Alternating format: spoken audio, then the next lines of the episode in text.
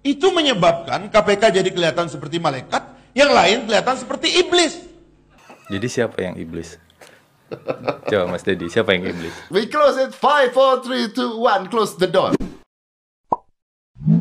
KPK Oh, Mas Febri Mas Febri ini lahirnya Maret lah ya Eh, ya jangan disebutkan eh, kelahiran yang sebenarnya. Kan ya. udah jelas Ini kan informasi yang Betul. rahasia. Febri pasti Maret lah Ya.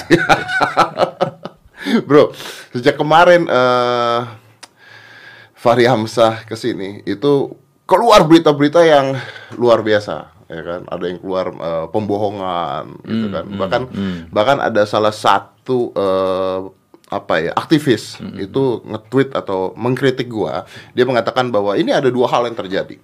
Yang pertama adalah eh, si pembawa acara itu tidak mengerti tentang topik. Oke. Kedua, dia memihak Hmm, memihak siapa? memihak Bang Fahri. Oh gitu. Oke, oke. Makanya gue bingung gitu. Gue mau kritik dia juga. Kalau gue tidak mengerti tentang topik, maka saya tidak mungkin memihak orang. Hmm. Itu dua hal yang Dua hal yang kontradiktif. ya. kontradiktif. Kalau gue memihak orang, harusnya gue mengerti tentang topiknya, begitu kan, bro? Oke, tapi inilah KPK dan KPK juga mengeluarkan surat eh, edaran resmi yang mengatakan bahwa banyak hal yang salah yang dikatakan, Ya, ya, seperti ya. itu ya, betul ya, bro ya? Klarifikasi. Klarifikasi, klarifikasi. Tapi sebenarnya kami kadang melihat eh, Pak Fahri Hamzah itu sering bicara seperti itu karena terlalu mencintai KPK. Bagus ya bahasa. bagus bahasa lu aman banget ya. Eh, iya, eh, sangat mencintai KPK karena itu kalau kalau cinta itu kan setiap eh, bangun tidur dilihatin, Oh, diperhatikan. gitu kan, diperhatikan. Dikritik juga, bro. Iya, diperhatikan lah, diperhatikan Oh, kan diperhatikan. banyak cara untuk memperhatikan gitu kan. Iya, iya, iya. Eh, mau makan siang bukan mikirin lauknya apa begitu ya, tapi mikir ini oh, kayaknya KPK lagi ngapain siang ini. Lu yang dipikirin nih. Ya, ya itulah. M- m- Sebenarnya kalau ketemu sih biasa-biasa aja, mungkin agak ditahan begitu ya. Tapi begini Mas Dedi, kalau KPK dikritik itu sebenarnya kami senang sekali. Karena ketika dikritik, kalau kita lihat diri kita sendiri kan kadang-kadang kita pikir, wah gue udah bener nih. Gue sudah eh, tepat waktu melakukan segalanya. Yang gue lakukan itu sudah oh, sesuai dengan urutan aturannya sudah benar segala macam. Tapi kadang kita luput eh, bagian-bagian tertentu karena kita kalau di dalam rumah kita ada di dalam rumah itu.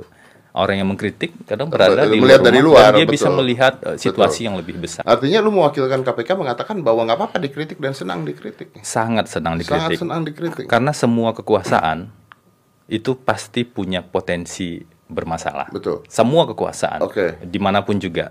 oke. Karena itu kritik itu vitamin. Membangun, betul. Nah, apakah KPK bermasalah sebenarnya? Apa pun yang dilihat oleh orang lain itu boleh-boleh saja. Misalnya orang bisa melihat ini KPK bermasalah nih soal A, B, C. Ya. Kemudian kami lihat ke dalam, benar nggak sih kita punya masalah? Oh benar, misalnya ya, maka kita perbaiki. Kalau nggak ada kritik, nggak mungkin kita bisa memetakan masalah yang seperti Hmm. ini. Tapi kan tapi kan eh, mengatakan bahwa KPK mengatakan bahwa itu banyak eh, banyak yang bohong. Banyak oh pembohongan. ya, nah ini ini poin krusialnya. Nah. Makanya penting. eh, kita senang sekali dikritik. Apa pun kritik itu kan banyak sekali ya. Hmm. Tapi sampaikanlah kritik dengan data yang benar. Data yang benar. Nah, masyarakat kan tidak tahu data yang benar apa tidak yang mana. Ketika Hmm. seorang Fahri Hamzah mengatakan sesuatu, masyarakat berpikir ini benar. Iya, ketika hanya mendengar itu, masyarakat mungkin, oh ternyata KPK begini ya. Karena itu kami buatkan klarifikasinya dan kami jelaskan ini loh data yang sebenarnya. Dan eh, data-data ini juga kami sampaikan beberapa waktu eh, sebelumnya secara rutin. Contoh yang paling sederhana soal poin eh, banyak kerahasiaan di KPK. Ada orang yang ditangkap kemudian hilang. Ya. It- Oke. itu sebenarnya di setiap operasi tangkap tangan kan kami jelaskan ke publik. Misalnya ada kegiatan tim di daerah di Sumatera atau di Kalimantan, tengah malam kami akan jelaskan kalau kondisi tim sudah aman ya, begitu semuanya sudah dibawa ke Polres atau Polda setempat diperiksa. Kami akan jelaskan.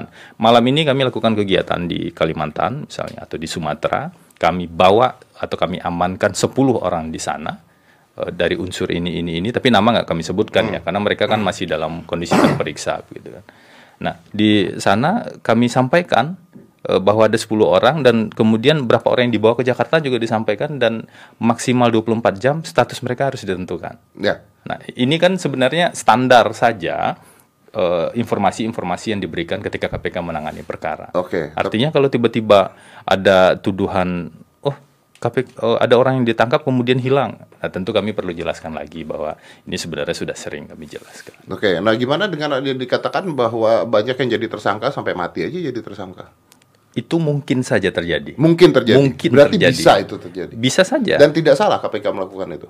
bukan KPK saja yang bisa menangani itu. Polisi, jaksa, KPK bisa menangani eh, baik tindak pidana umum gitu ya. Tindak pidana umum ini kan yang terjadi sehari-hari gitu, pencurian, eh, penganiayaan dan lain-lain. Kalau tindak pidana khusus ini kan tindak pidana korupsi. Ketika eh, misalnya Mas Dedi, eh, saya nggak enak ngasih contoh Mas Dedi.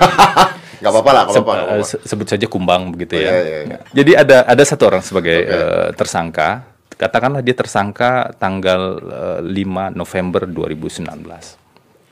Dia tersangka setelah buktinya cukup kuat, kita kan nggak tahu. Yang tahu umur seseorang itu kan Tuhan ya. Besok, lusa, seminggu lagi, setahun lagi, kita nggak pernah tahu eh, apakah ia masih hidup atau meninggal. Karena itulah ada klausul di eh, hukum acara pidana kita. Ketika orang sudah meninggal dunia, maka dia tidak bisa tidak bisa lagi diminta pertanggungjawaban eh, secara pidana. Jadi penuntutannya udah nggak bisa dilakukan. Maka secara otomatis kasusnya berhenti. Tapi ada ketentuan khusus di Undang-Undang Tindak Pidana Korupsi. Karena pertanggungjawaban hukum itu kan bukan hanya soal orang.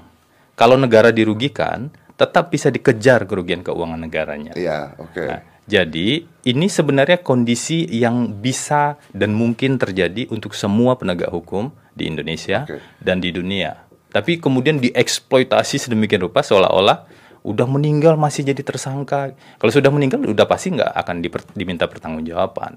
Ya, yang yang gue agak bingung satu hal. Oke, tadi tadi lu ngejauh seperti itu, oke lah. Memang ada kejadian-kejadian seperti itu. Tapi di situ dikatakan bahwa eh, ingat gak di situ ada kata-kata eh, di mana presiden pada saat itu memilih menteri dan KPK ikut campur pada saat itu. Memang gua ngerti bahwa presiden meminta KPK untuk juga ikut campur, untuk juga ikut campur. Gua ngerti. Tapi pertanyaannya adalah kenapa presiden sekarang nggak mau lagi? Artinya presiden kecewakah dengan KPK? Kita tidak tahu. Kan kita nggak nggak tahu apa pikiran dan hati presiden. Sama seperti kita nggak tahu apa pikiran dan hati orang-orang di sekitar kita gitu kan. Tapi poinnya bukan itu. Yang disampaikan kemarin eh, seolah-olah seolah-olah KPK bisa nih menentukan menteri. Eh, Mana mungkin KPK bisa menentukan menteri. Sorry bro, tapi kalau sudah dikatakan ini merah nih, kan artinya juga itu mempengaruhi seorang presiden untuk memilih menteri. Mungkin saja ada kebutuhan untuk melihat profil. Contoh yang paling sederhana. Selain presiden, ada sejumlah instansi yang juga minta rekam jejak ke KPK. Kalau seorang menjadi pejabat publik, bayangkan orang jadi mau mau jadi pejabat publik itu dia punya kewenangan. Dia bisa memutuskan proyek ditangani A, B, dan C dan itu menggunakan uang rakyat Ya, orang jadi pejabat publik di tahap tertentu dia bisa menjatuhkan sanksi. Bayangkan kalau orang bermasalah yang jadi pejabat publik, makanya mereka minta data. makanya mereka minta bantuan. Tapi apakah hanya ke KPK minta informasinya? Enggak juga. Oke. Jadi ada banyak instansi ada banyak lain kan instansi yang lain. Lalu presiden. kenapa kenapa KPK sendiri pada saat itu heboh sekali ketika keluar rancangan undang-undangnya dan sebagainya untuk mengawasi KPK sampai disebut wah, sampai ada bendera dipasang ke KPK Hmm. apa eh, meninggal lah apalah keadilan lah sebagainya. Kenapa? Apa memang KPK tidak mau diawasi sebenarnya? Nah, ini keliru juga nih yang kemudian seolah-olah Karena itu yang keluar di masyarakat, Bro. ada ada pemahaman seperti itu. Betul. Jadi seolah-olah eh, penolakan revisi undang-undang KPK karena menolak diawasi. Makanya tadi ketika di awal saya bilang KPK sangat senang diawasi. Kita kita perlu lihat nih rumusannya secara hati-hati. Ini kan banyak yang dipelintir ya. Dewan pengawas dalam konteks tugas pengawasan yang dilakukan itu sebenarnya nggak masalah. Nggak masalah. Nggak ada problem sedikit pun Oke. dengan eh, tugas pengawasan. Karena saat ini kalau bisa dilihat itu KPK yang eh, cukup intens pengawasan dari berbagai pihak. Coba sebut DPR adalah pengawas eh, KPK yang mungkin paling kuat. Tapi eh, bisa jadi DPR takut juga untuk mengawasi KPK karena begitu diawasi nanti KPK-nya ngincer nih orang kan begitu kan? Enggak boleh. Masa KPK mengincar orang yang mencintai KPK? Oh gitu ya. Yang diproses KPK kalau dia melakukan korupsi Oke, begitu ya. oke. Nggak Lalu- mungkin KPK kalau KPK mengincar orang yang eh, sering mengkritik KPK eh, sudah tahu sendiri kan siapa yang akan diincar. Tapi toh selama ini kan nggak pernah diproses karena memang tidak ada tindak pidana korupsi yang kami temukan. Tapi yang lain memang banyak ya. Kalau memang Anggota DPR suka RI. akan hal tersebut, kenapa KPK harus? eh, lu belum nerangin gua kenapa pada saat itu harus sampai bereaksi seperti itu, bagi-bagi bunga lah di jalan, seakan-akan ini berita duka untuk KPK ketika itu terjadi. ada 26 poin yang berbahaya di rancangan undang-undang KPK tersebut yang kemudian sudah disahkan saat ini. Dewan pengawas itu kewenangannya bukan cuma mengawasi. Kalau pengawas itu kan dia melihat, dia mengevaluasi, tapi ada proses pro justisia di sana. Maksudnya begini, kalau mau nyadap orang, itu harus minta izin ke dewan pengawas dulu tidak ada satupun institusi di Indonesia yang pengawas apa penyadapan itu minta izin dewan pengawas. Mau melakukan penggeledahan dan penyitaan minta izin dewan pengawas dulu. Padahal proses birokrasinya kan sudah panjang. Ada sekitar eh, 5 sampai 7 tahap kalau mau eh, melakukan penyadapan misalnya. Padahal tindak pidana korupsi itu kejahatannya kompleks, cepat sekali.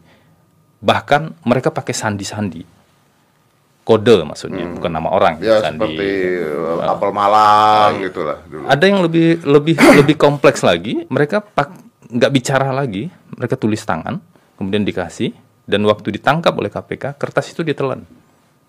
Gimana kita bisa mengungkap eh, kejahatan-kejahatan yang terjadi seperti ini kalau eh, mau mengajukan eh, penyadapan penggeledahan dan penyitaan itu prosesnya dipersulit?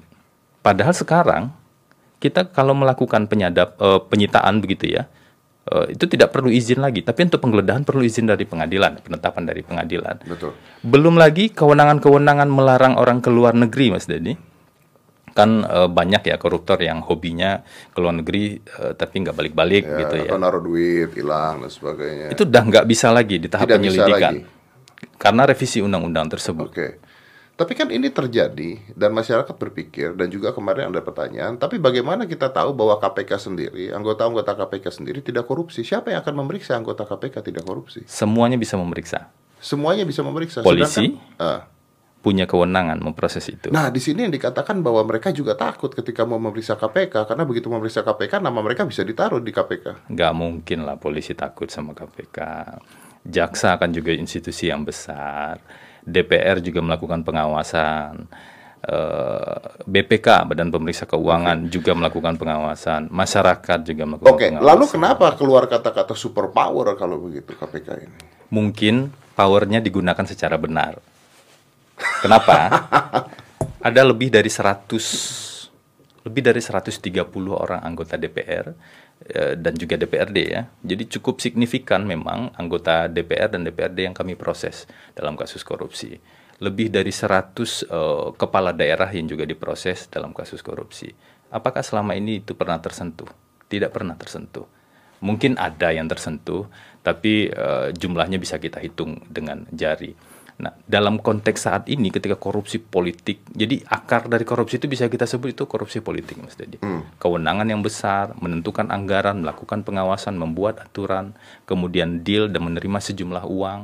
Nah, itu akar dari eh, korupsi yang terpetakan.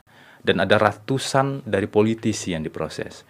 Kalau ada politisi yang mengatakan KPK superpower karena menangkap banyak sekali politisi, ya kita bisa tahu apa latar belakang eh, pemikiran eh, kata-kata itu sempat muncul. Padahal sebenarnya kalau kewenangan yang dimiliki eh, KPK ya tidak sebesar kewenangan yang dimiliki oleh instansi lain. Ada instansi lain yang punya kewenangan mulai dari Iya. penyelidikan, penyidikan, penuntutan sampai dengan proses persidangan. Tapi kan di sini kan dari eh, kalau kemarin menurut Bang Fahri Amsah kan di sini kan dikatakan adalah bahwa mereka mungkin takut dengan KPK gimana mereka mau melakukan penyidikan kalau mereka melakukan penyidikan namanya langsung ditaruh merah di sana. Mungkin kan seperti itu. Gak mungkin lah. Yang kedua, yang, yang kedua, yang kedua begini bro, bagaimana masyarakat tahu bahwa eh, apa yang ditangkap KPK itu tidak dipilih-pilih itu kan yang kemarin Ya, jadi masalah kan? Kan bisa aja nih kita mau nangkep empat lima orang nih. Nah ini atas dasar apa nih kita tangkapnya? Mungkin ini dulu yang kita tangkap, yang ini kita biarkan. Nah itu dari mana kita bisa tahu kalau kita tidak terbuka semuanya? Itu yang jadi masalah kemarin sebenarnya. Gampang sebenarnya untuk menentukan itu. Kalau bicara soal memilih, pasti yang dipilih adalah yang buktinya kuat. Ya. Misalnya ada 10 laporan yang Betul. masuk, ma- eh, kemudian di review, kelihatanlah oh ini bukti yang kuat, maka ini yang ditindaklanjuti. Belum tentu naik juga ke penyidikan. Tetap nama nama 10 yang masuk itu yang tahu hanya KPK-nya saja. Itulah fungsi pengawasan yang dilakukan oleh DPR, oleh eh, BPK, ada audit eh, kinerja dan audit keuangan, dan ada keterbukaan informasi. Itu gampang sekali kok dicek.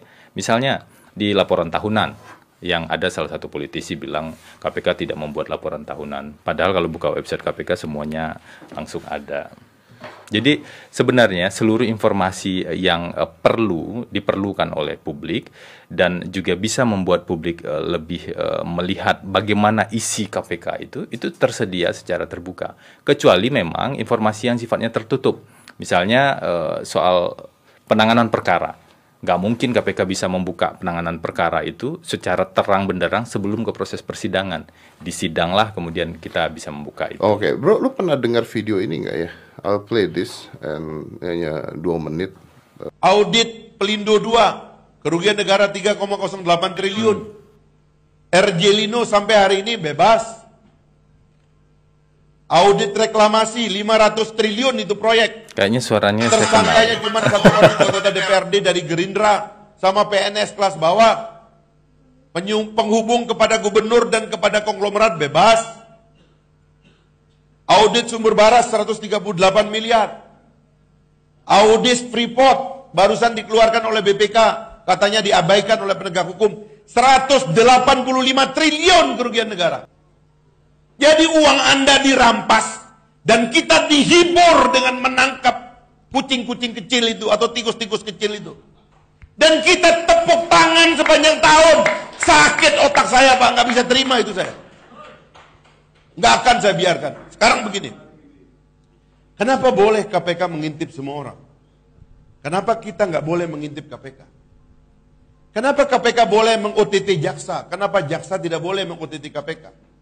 Kenapa KPK boleh meng-OTT polisi? Polisi nggak boleh meng-OTT KPK. Kenapa boleh meng-OTT DPR? DPR nggak boleh meng-OTT KPK. Itu menyebabkan KPK jadi kelihatan seperti malaikat, yang lain kelihatan seperti iblis. Jadi siapa yang iblis? Coba Mas Dedi, siapa yang iblis? Ya. Sesekali saya yang nanya dong.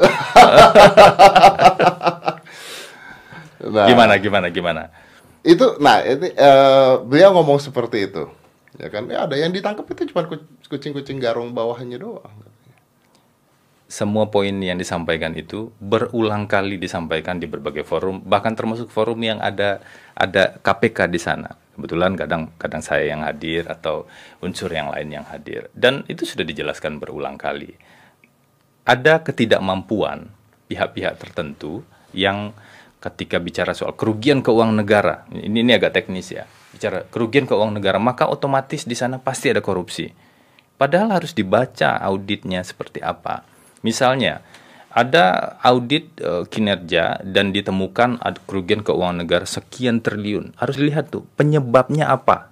Apakah penyebabnya tindak pidana korupsi atau penyebabnya pencatatan yang sifatnya administratif atau hal-hal yang lain atau kerugian yang dihitung dari lingkungan yang dirusak misalnya.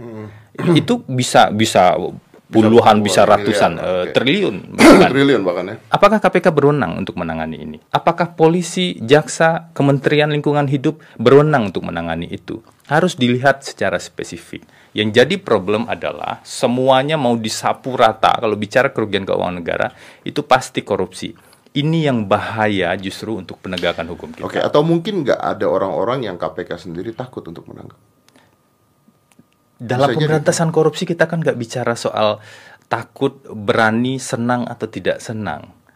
Semua pelaku korupsi, semuanya ya, mau yang disebut korupsi kecil sampai dengan korupsi besar, itu mereka yang punya kekuatan, mereka yang punya kekuasaan. Iya. Kalau kita bicara soal takut, di awal begitu ya, misalnya mau menangani, jangankan yang level menteri yang pernah ditangani oleh KPK atau eh, DPR RI atau penegak hukum gitu ya.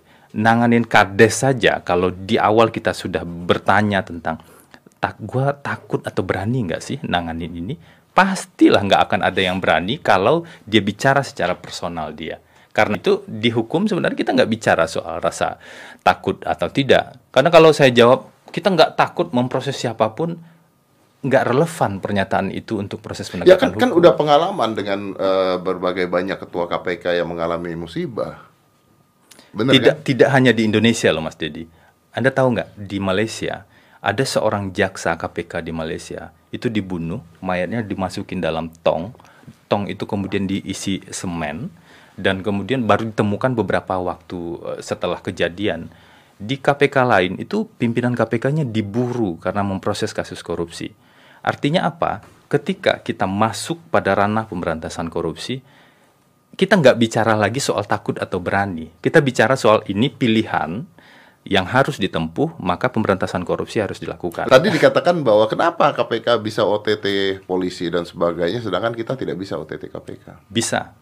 Tadi ditanyakan begitu, tapi Itu salah. Itu salah. Jadi, kewenangan untuk menangkap, memproses, itu bisa dilakukan oleh KPK, polisi, dan jaksa untuk kasus korupsi. Tapi kalau ditanya, kenapa DPR nggak bisa meng-OTT KPK? Ya mestinya baca undang-undangnya sendiri. Apa iya DPR itu ditugaskan untuk melakukan penegakan hukum? Enggak, DPR itu ditugaskan melakukan tiga hal. Regulasi, membuat aturan untuk kepentingan rakyat. Saya nggak tahu ya, apakah sekarang aturan yang ada untuk kepentingan rakyat atau tidak, itu perlu kajian. Membuat regul, eh, penganggaran, fungsi penganggaran dan melakukan pengawasan. Nggak ada fungsi eh, DPR itu melakukan OTT, melakukan penegakan hukum. Tapi apakah polisi dan jaksa bisa? Bisa.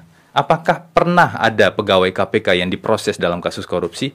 Pernah Diproses oleh ketika KPK baru terbentuk. Itu sekitar eh, KPK kan terbentuk 2002 ya, baru mulai efektif berdiri itu 2003.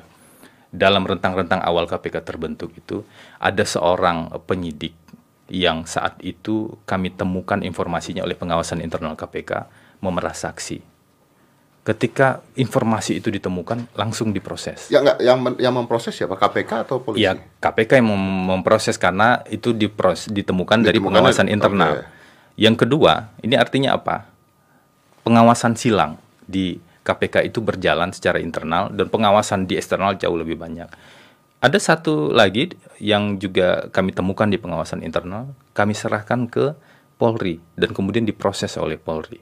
Jadi kalau ada yang mengatakan bahwa KPK tidak bisa diproses ya keliru. Itu itu sangat sangat keliru ya dan itu cenderung menyesatkan informasinya.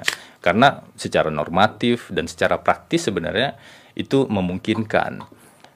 Yang jadi pertanyaan adalah kenapa yang dimunculkan isu itu bukan isu misalnya bagaimana agar KPK Polri dan Kejaksaan bisa solid dalam pemberantasan korupsi fungsi seorang anggota DPR bersama teman-temannya bisa sebenarnya untuk memperkuat itu. Makanya kemarin eh, pimpinan KPK bertemu dengan Kapolri. Pak Idam Aziz kan datang ke kantor KPK kemarin. Dan kemudian kita bicara bagaimana bisa memperkuat dan saling mendukung. Misalnya operasional KPK di lapangan. Ketika mau melakukan penangkapan, KPK itu dibantu oleh anggota Polri di sana. Kita minta bantuan ke Polda, kita minta bantuan ke Polres, dan nggak akan mungkin berhasil operasi itu kalau nggak dibantu Polri. Tapi yang just, yang terjadi kan justru dipertentangkan sedemikian rupa. Atau mungkin nggak mungkin nggak eh, semuanya saling sakit hati gitu. Contohnya contohnya kita ambil contoh sederhana Bapak Abraham Samad akhirnya terkenanya oleh eh, masalah apa waktu itu kartu keluarga Iya, Eh, kakak ya. kakak. Nah, Ini kan eh, menarik kan kalau kita melihat dari hal tersebut kan. Bahkan kita dulu kan banyak yang bilang, loh kalau mau nolongin orang di kampung eh, masuk kartu keluarga biar dia bisa cari kerja di Jakarta itu bisa dilakukan gitu. ya. Nah. Praktek yang sering dilakukan gitu ya orang-orang bilang begitu. Ya, kita nggak tahu benar apa salahnya secara undang-undang ya. Saya gua nggak mau ngomong benar apa salahnya. Tapi mungkin nggak Ya, bahwa Mas jadi waktu pertama kali ke Jakarta masuk kartu keluarga siapa? oh gua udah di Jakarta. Oh, oh juga udah ya, beruntung lah. Beruntung lah. Tapi kalau ibu kota pindah besok hati-hati. Oh, iya, benar. Harus cari eh, kartu keluarga di ibu kota setempat. Ya karena saya nggak jadi artis ibu kota lagi nanti Pak. Artis daerah. artis daerah. Nah itu dia. Tapi mungkin nggak akhirnya adalah terjadi balas dendam balas dendaman gitu. Saya tidak yakin soal balas dendam. Karena kalau bicara soal institusional ya. Ya. Tapi bahwa ada persoalan-persoalan di personal mungkin saja eh, itu masih tersisa. Dan saya juga tidak bisa menebak bagaimana perasaan Pak Abram Samad sekarang, Pak Bambang Wijoyanto atau Antasari Azhar waktu jadi ketua KPK ya. Ya. Yang diproses dengan dalam kasus eh, sampai sudah keluar sekarang kan Pak Antasari Azhar. Kalau perasaan saya tidak tahu. Meskipun mereka bilang ya sudah saya anggap itu resiko pekerjaan saja begitu kan. Tapi secara kelembagaan nggak boleh KPK, Polri, dan Kejaksaan itu nggak boleh ada dendam sedikit pun dan nggak mungkin ada, akan ada dendam karena KPK juga nggak bakal mungkin kerja sendiri. Kalau secara institusi, lu mengatakannya tidak akan tidak boleh ada dendam masuk akal bro. Tapi kan yang disikat ini bukan institusi bro. Yang disikat ini kan personal personal di institusi-institusi tertentu. Which is pasti akan ada dendam dong yang terjadi dong. Kalau Pak Abram Samad misalnya ya, beliau menjadi pimpinan KPK maksimal 4 tahun, lebih cepat dari empat tahun bahkan. Secara personal masih ada yang tersisa di bawah setelah keluar dari KPK, bisa saja ya, bisa saja tidak. Itu itu saya tidak tahu. Tapi kita kan bekerja di KPK misalnya eh, aku kerja di eh, KPK sebagai juru bicara juga belum tentu beberapa tahun begitu kan. Bisa saja nanti ada pengganti. Nggak boleh eh, fungsi-fungsi yang eh, di melekat pada orang ini kemudian digunakan untuk kepentingan pribadi dan itu akan dengan mudah terlihat. Iya, tapi kan orang bisa baper. Boleh, boleh sekali-sekali boleh, dong. baper, masa nggak boleh? Nah, kalau baper Sekali-sekali ini kan, sedih. Nah, kalau baper ini kan akhirnya kan jadi akhirnya personal kan. Lu pernah nangkep ini nih, ini orangnya ini nih. Nah, nanti gua kerjain lu, gua tangkep lagi lo. Karena lu pasti ada celahnya juga, lu pasti ada. Gini loh, Bro. Manusia itu nggak ada yang nggak ada salahnya, Pasti. ya kan? Namanya saja manusia. Betul. Gua tuh selalu mengatakan bahwa kita itu eh, bersyukur. Kita tuh bersyukur pada Tuhan karena selama ini Tuhan masih menutupi kita punya aib. Karena kalau kita buka nih, nggak ada manusia nggak punya aib tuh kan. Semuanya. Semuanya punya aib. Nah, akhirnya kan ending-endingnya bahwa ketika ini terjadi, mungkin nggak bahwa oke kita buka-buka aib aja, lu pernah nangkep ini, lu gua kerjain, lu pasti ada aibnya. Dicari sampai ketemu aibnya. Ini kan jadi, Kira-kira bisa diproses nggak semua orang yang dicari-cari aibnya itu? nah, Nggak mungkin. Kalau memang tidak ada tindak pidana korupsi di sana, nggak mungkin KPK bisa masuk. Dulu kami sempat bercanda. Itu orang-orang ada yang ngomong begitu. nggak, Itu- nggak, gua nggak ngomongin tentang KPK-nya bro. Iya iya, Mis- ini, ini contoh aja. Ya, Itu orang-orang yang eh, mengkritik KPK sampai menuduh KPK macam-macam itu kenapa nggak ditangkap aja sih? Nggak boleh kita bekerja berdasarkan eh, dendam seperti itu bagi KPK. Bagi pihak lain eh, mungkin saja ketika eh, seseorang yang jadi pejabat sedang jaya-jayanya begitu ya, sedang bagus-bagusnya citranya, tapi kemudian ditangkap oleh penegak hukum dan keluarganya marah atau jaringannya marah, itu bisa saja.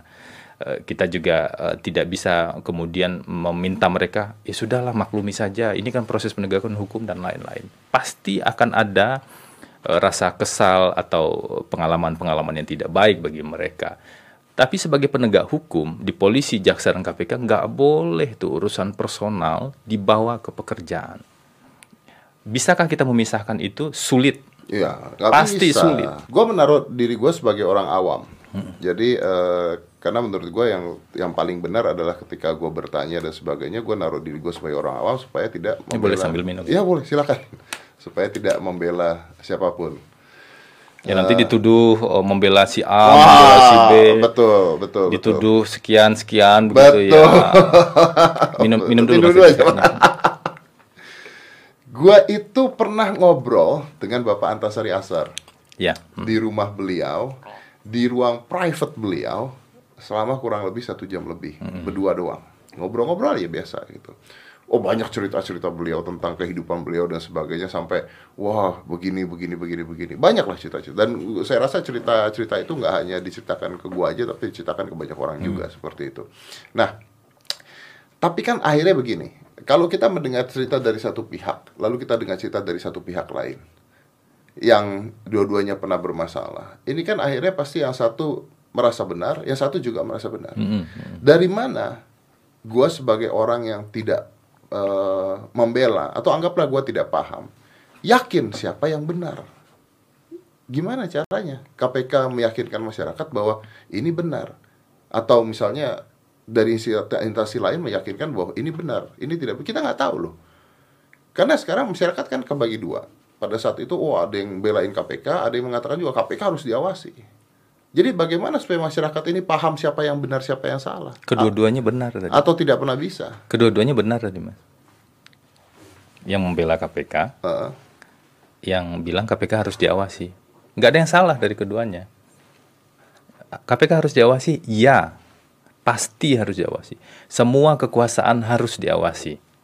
Membela KPK. Membela KPK, kalau teman-teman yang kelihatan sekarang ya, mereka itu membela KPK justru bukan sekedar membela dalam artian, oh, membenarkan yang tidak benar, tapi mengkritik sangat keras ketika KPK melakukan eh, kekeliruan. Dan apakah KPK pernah melakukan kekeliruan? Pernah dan itu dikritik secara luar biasa. Ketika dikritik itu, tentu kami harus evaluasi eh, ke dalam. Kadang-kadang ada yang ditindaklanjuti, kadang-kadang ada yang kami pikir, loh, menurut kami ini sudah benar, jadi silakan diuji saja. Sama seperti logika, apakah semua yang dilakukan KPK itu pasti eh, benar dan tidak pernah salah? Belum tentu juga. Itulah gunanya mekanisme pengawasan berlapis. Contoh yang paling sederhana, ketika seseorang dibawa, dijadi tersangka begitu ya, jadi tersangka, dia bisa uji KPK di pra peradilan. Apakah pernah ada yang mengalahkan KPK? Ada. Tapi memang satu dua yang eh, kemudian KPK kalah ratusan eh, KPK bisa memenangkan itu karena memang kami harus prudent soal itu. Bahkan ada kewenangan yang diberikan di undang-undang yang tidak ada untuk penegak hukum lain. Apa bisa digugat eh, kalau ada pelanggaran-pelanggaran yang dilakukan oleh KPK itu dijamin di undang-undang eh, secara khusus. Bahkan undang-undang yang kemarin ya, itu disebut KPK bertanggung jawab pada publik. Ini karakter lembaga independen di negara-negara di dunia. Sekarang dihapus, KPK tidak bertanggung jawab pada publik lagi. Eh, meskipun kami agak bingung pada siapa kami harus bertanggung jawab gitu ya. Nah, eh, oke, kalau kita ngomong itu berarti undang-undang baru apa yang paling lu nggak setuju saat ini? KPK nggak setuju. Ada 26 poin, Mas. Bukan bukan soal tidak setuju atau setuju ya, karena sebagai institusi penegak hukum, institusi negara nih bagaimanapun juga, ketika undang-undang sudah ada, KPK itu pelaksana undang-undang. Harus. Kami harus bilang begitu ya. Ya, betul. Tapi kita harus analisis eh, mana poin-poin yang berisiko melemahkan. 26 poin kami lihat berisiko melemahkan. Yang paling melemahkan apa? Penyadapan. Penyadapan. Kami tidak bisa lagi lakukan penyadapan di tahap penuntutan. Tidak bisa lagi mencegah orang pergi ke luar negeri meskipun dia diduga pelaku kasus korupsi. Pimpinan KPK bukan penyidik dan penuntut umum lagi. Anda bayangkan pimpinan sebuah institusi penegak hukum itu bukan penegak hukum. Pasal ini dihilangkan dan diubah sedemikian rupa dengan undang-undang yang baru.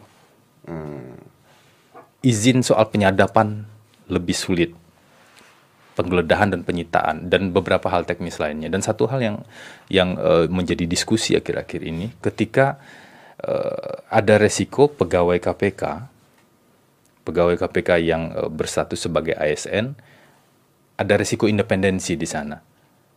Orang bisa memproses kasus korupsi. Itu kenapa? Karena dia punya independensi.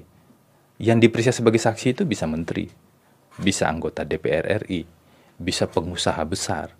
Kalau dia seorang penyidik memeriksa saksi, tapi di sisi lain nasibnya untuk pindah, naik pangkat atau yang lain-lain itu ditentukan oleh instansi lain yang mungkin saja suatu kali mereka periksa, apakah logis?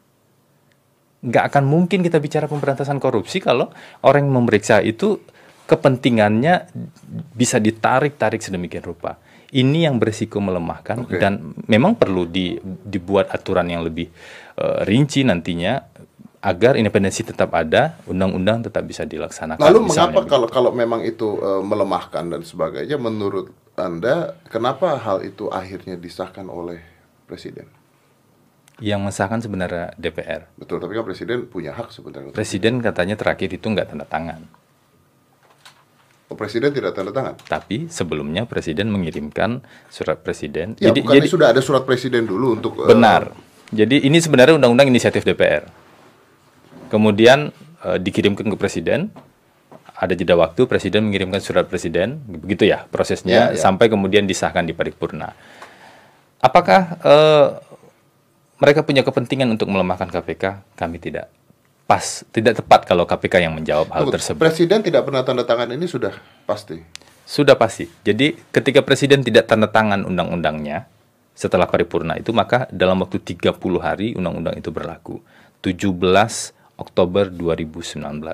Jadi 17 Oktober 2019 itu itu dalam tanda kutip ya undang-undang baru sudah eh, berlaku dan KPK harus bekerja berdasarkan Tapi undang-undang presiden itu. bisa mencegah sebenarnya. Bisa saja karena undang-undang itu dibentuk oleh presiden bersama DPR. Betul. Itu yang kami minta Nah, sejak Kenapa awal. tidak dicegah pada saat itu menurut? Eh, mungkin pertanyaan itu tepatnya diajukan kepada presiden itu atau juru bicara presiden Juru yang bicara baru. presiden yang mungkin eh, nanti juru bicara presiden yang baru bisa diundang ke sini begitu. ya. nanti kalau saya jawab nanti eh, mengambil alih tugas yang lain Iya, kan. iya, iya, iya, iya. Tapi begini Mas Dedi, sampai sekarang misalnya dari 17 Oktober udah berapa hari ya? Udah lebih dari dua atau tiga minggu. Belum ada satupun penyidikan baru yang kami lakukan Karena karena undang-undang yang baru ini sangat beresiko dan pasalnya saling bertentangan satu dengan yang lainnya. artinya jadi mati suri. Akhirnya yang kami lakukan saat ini, kewajiban KPK untuk menangani kasus-kasus yang sudah kami tangani sebelum undang-undang baru ini berlaku. Misalnya pemeriksaan saksi masih ada, penahanan oh, keberlanjutannya masih Oh, ada. ini ini menarik sekali. Lu mengatakan bahwa sampai detik ini setelah itu berlaku KPK belum melakukan Belum ada satu pun tersangka baru. karena Ya, pasti ada konsekuensinya pasti undang-undang ini. Iya. Contoh yang paling sederhana, pimpinan KPK itu bukan penyidik dan penuntut umum. Kalau pimpinan institusinya bukan penegak hukum, sementara dia adalah pimpinan institusi penegak hukum, bagaimana kita bisa menjelaskan ini? Bagaimana kita bisa mempertanggungjawabkan pada publik sementara KPK harus hati-hati dalam menangani sebuah perkara. Bahwa kami tetap punya semangat, iya, tapi nggak boleh kami sembarangan kemudian bekerja. Makanya ada tim yang ditugaskan harus segera melakukan identifikasi dan analisis mana poin-poin yang melemahkan dan mitigasi apa yang kita lakukan. Untuk apa? Meminimalisir kerusakan yang terjadi dalam pelaksanaan tugas KPK. Oke. Tapi lu tadi mengatakan bahwa kami tidak boleh lagi sembarangan mengerjakan sesuatu. Benar dong, harusnya bagus dong. Iya. Kami tidak boleh sembarang dalam mengerjakan sesuatu. Ada perubahan kondisi yang baru nih Mas Dedi. Tadi saya sebut ada 26 poin misalnya. Kalau kami asal-asalan setelah revisi ini dilakukan, misalnya kami proses saja ya seperti seolah-olah undang-undang lama. Oh, ba- sembarangan ini bukan artinya kalau dulu sembarangan gitu ya. Karena ada perubahan kondisi. Kalau dulu kan undang-undangnya masih 30 tahun 2002. Ya. Jadi kalau undang-undang 30 tahun 2002 misalnya standar kehati-hatian kita adalah di tingkat eh, ini begitu Mengikuti ya. hal itu gitu ya. Ya, standarnya kan beda ya, Nah, yang sekarang- undang-undang lama. Sekarang ada perubahan. 26 poin kami identifikasi itu beresiko. Nah, Apa mungkin kami menggunakan standar yang lama? Nggak boleh. Karena ketika KPK menangkap orang, menahan orang, menyita barang, misalnya untuk kasus-kasus yang baru, itu ada resiko hak asasi manusia terhadap orang itu. Nggak boleh penegak hukum eh, secara se- serampangan melakukan itu. Sementara ketika kami analisis, wah ini ada resiko pasal yang saling bertentangan. Apakah ini yang dikehendaki oleh pembentuk undang-undang misalnya? Nah ini mungkin banyak pihak yang bisa eh, menjawab, tapi jujur saja kami sangat kesulitan untuk menangani kasus-kasus baru setelah undang-undang baru ini ada. 26 poin sudah kami identifikasi itu bisa lebih rinci eh, lagi satu poin itu bisa didetailkan. Ya. Sementara harapan publik harapan publik Yang mencari pokoknya kasus korupsi di berantas orang-orang yang melakukan korupsi triliunan segala macam itu harus ditangani. Artinya kalau misalnya ini sudah berjalan dan sebagainya, sebenarnya apa yang dikatakan Bang Fahri Hamzah udah tercapai semua dong yang dia mau.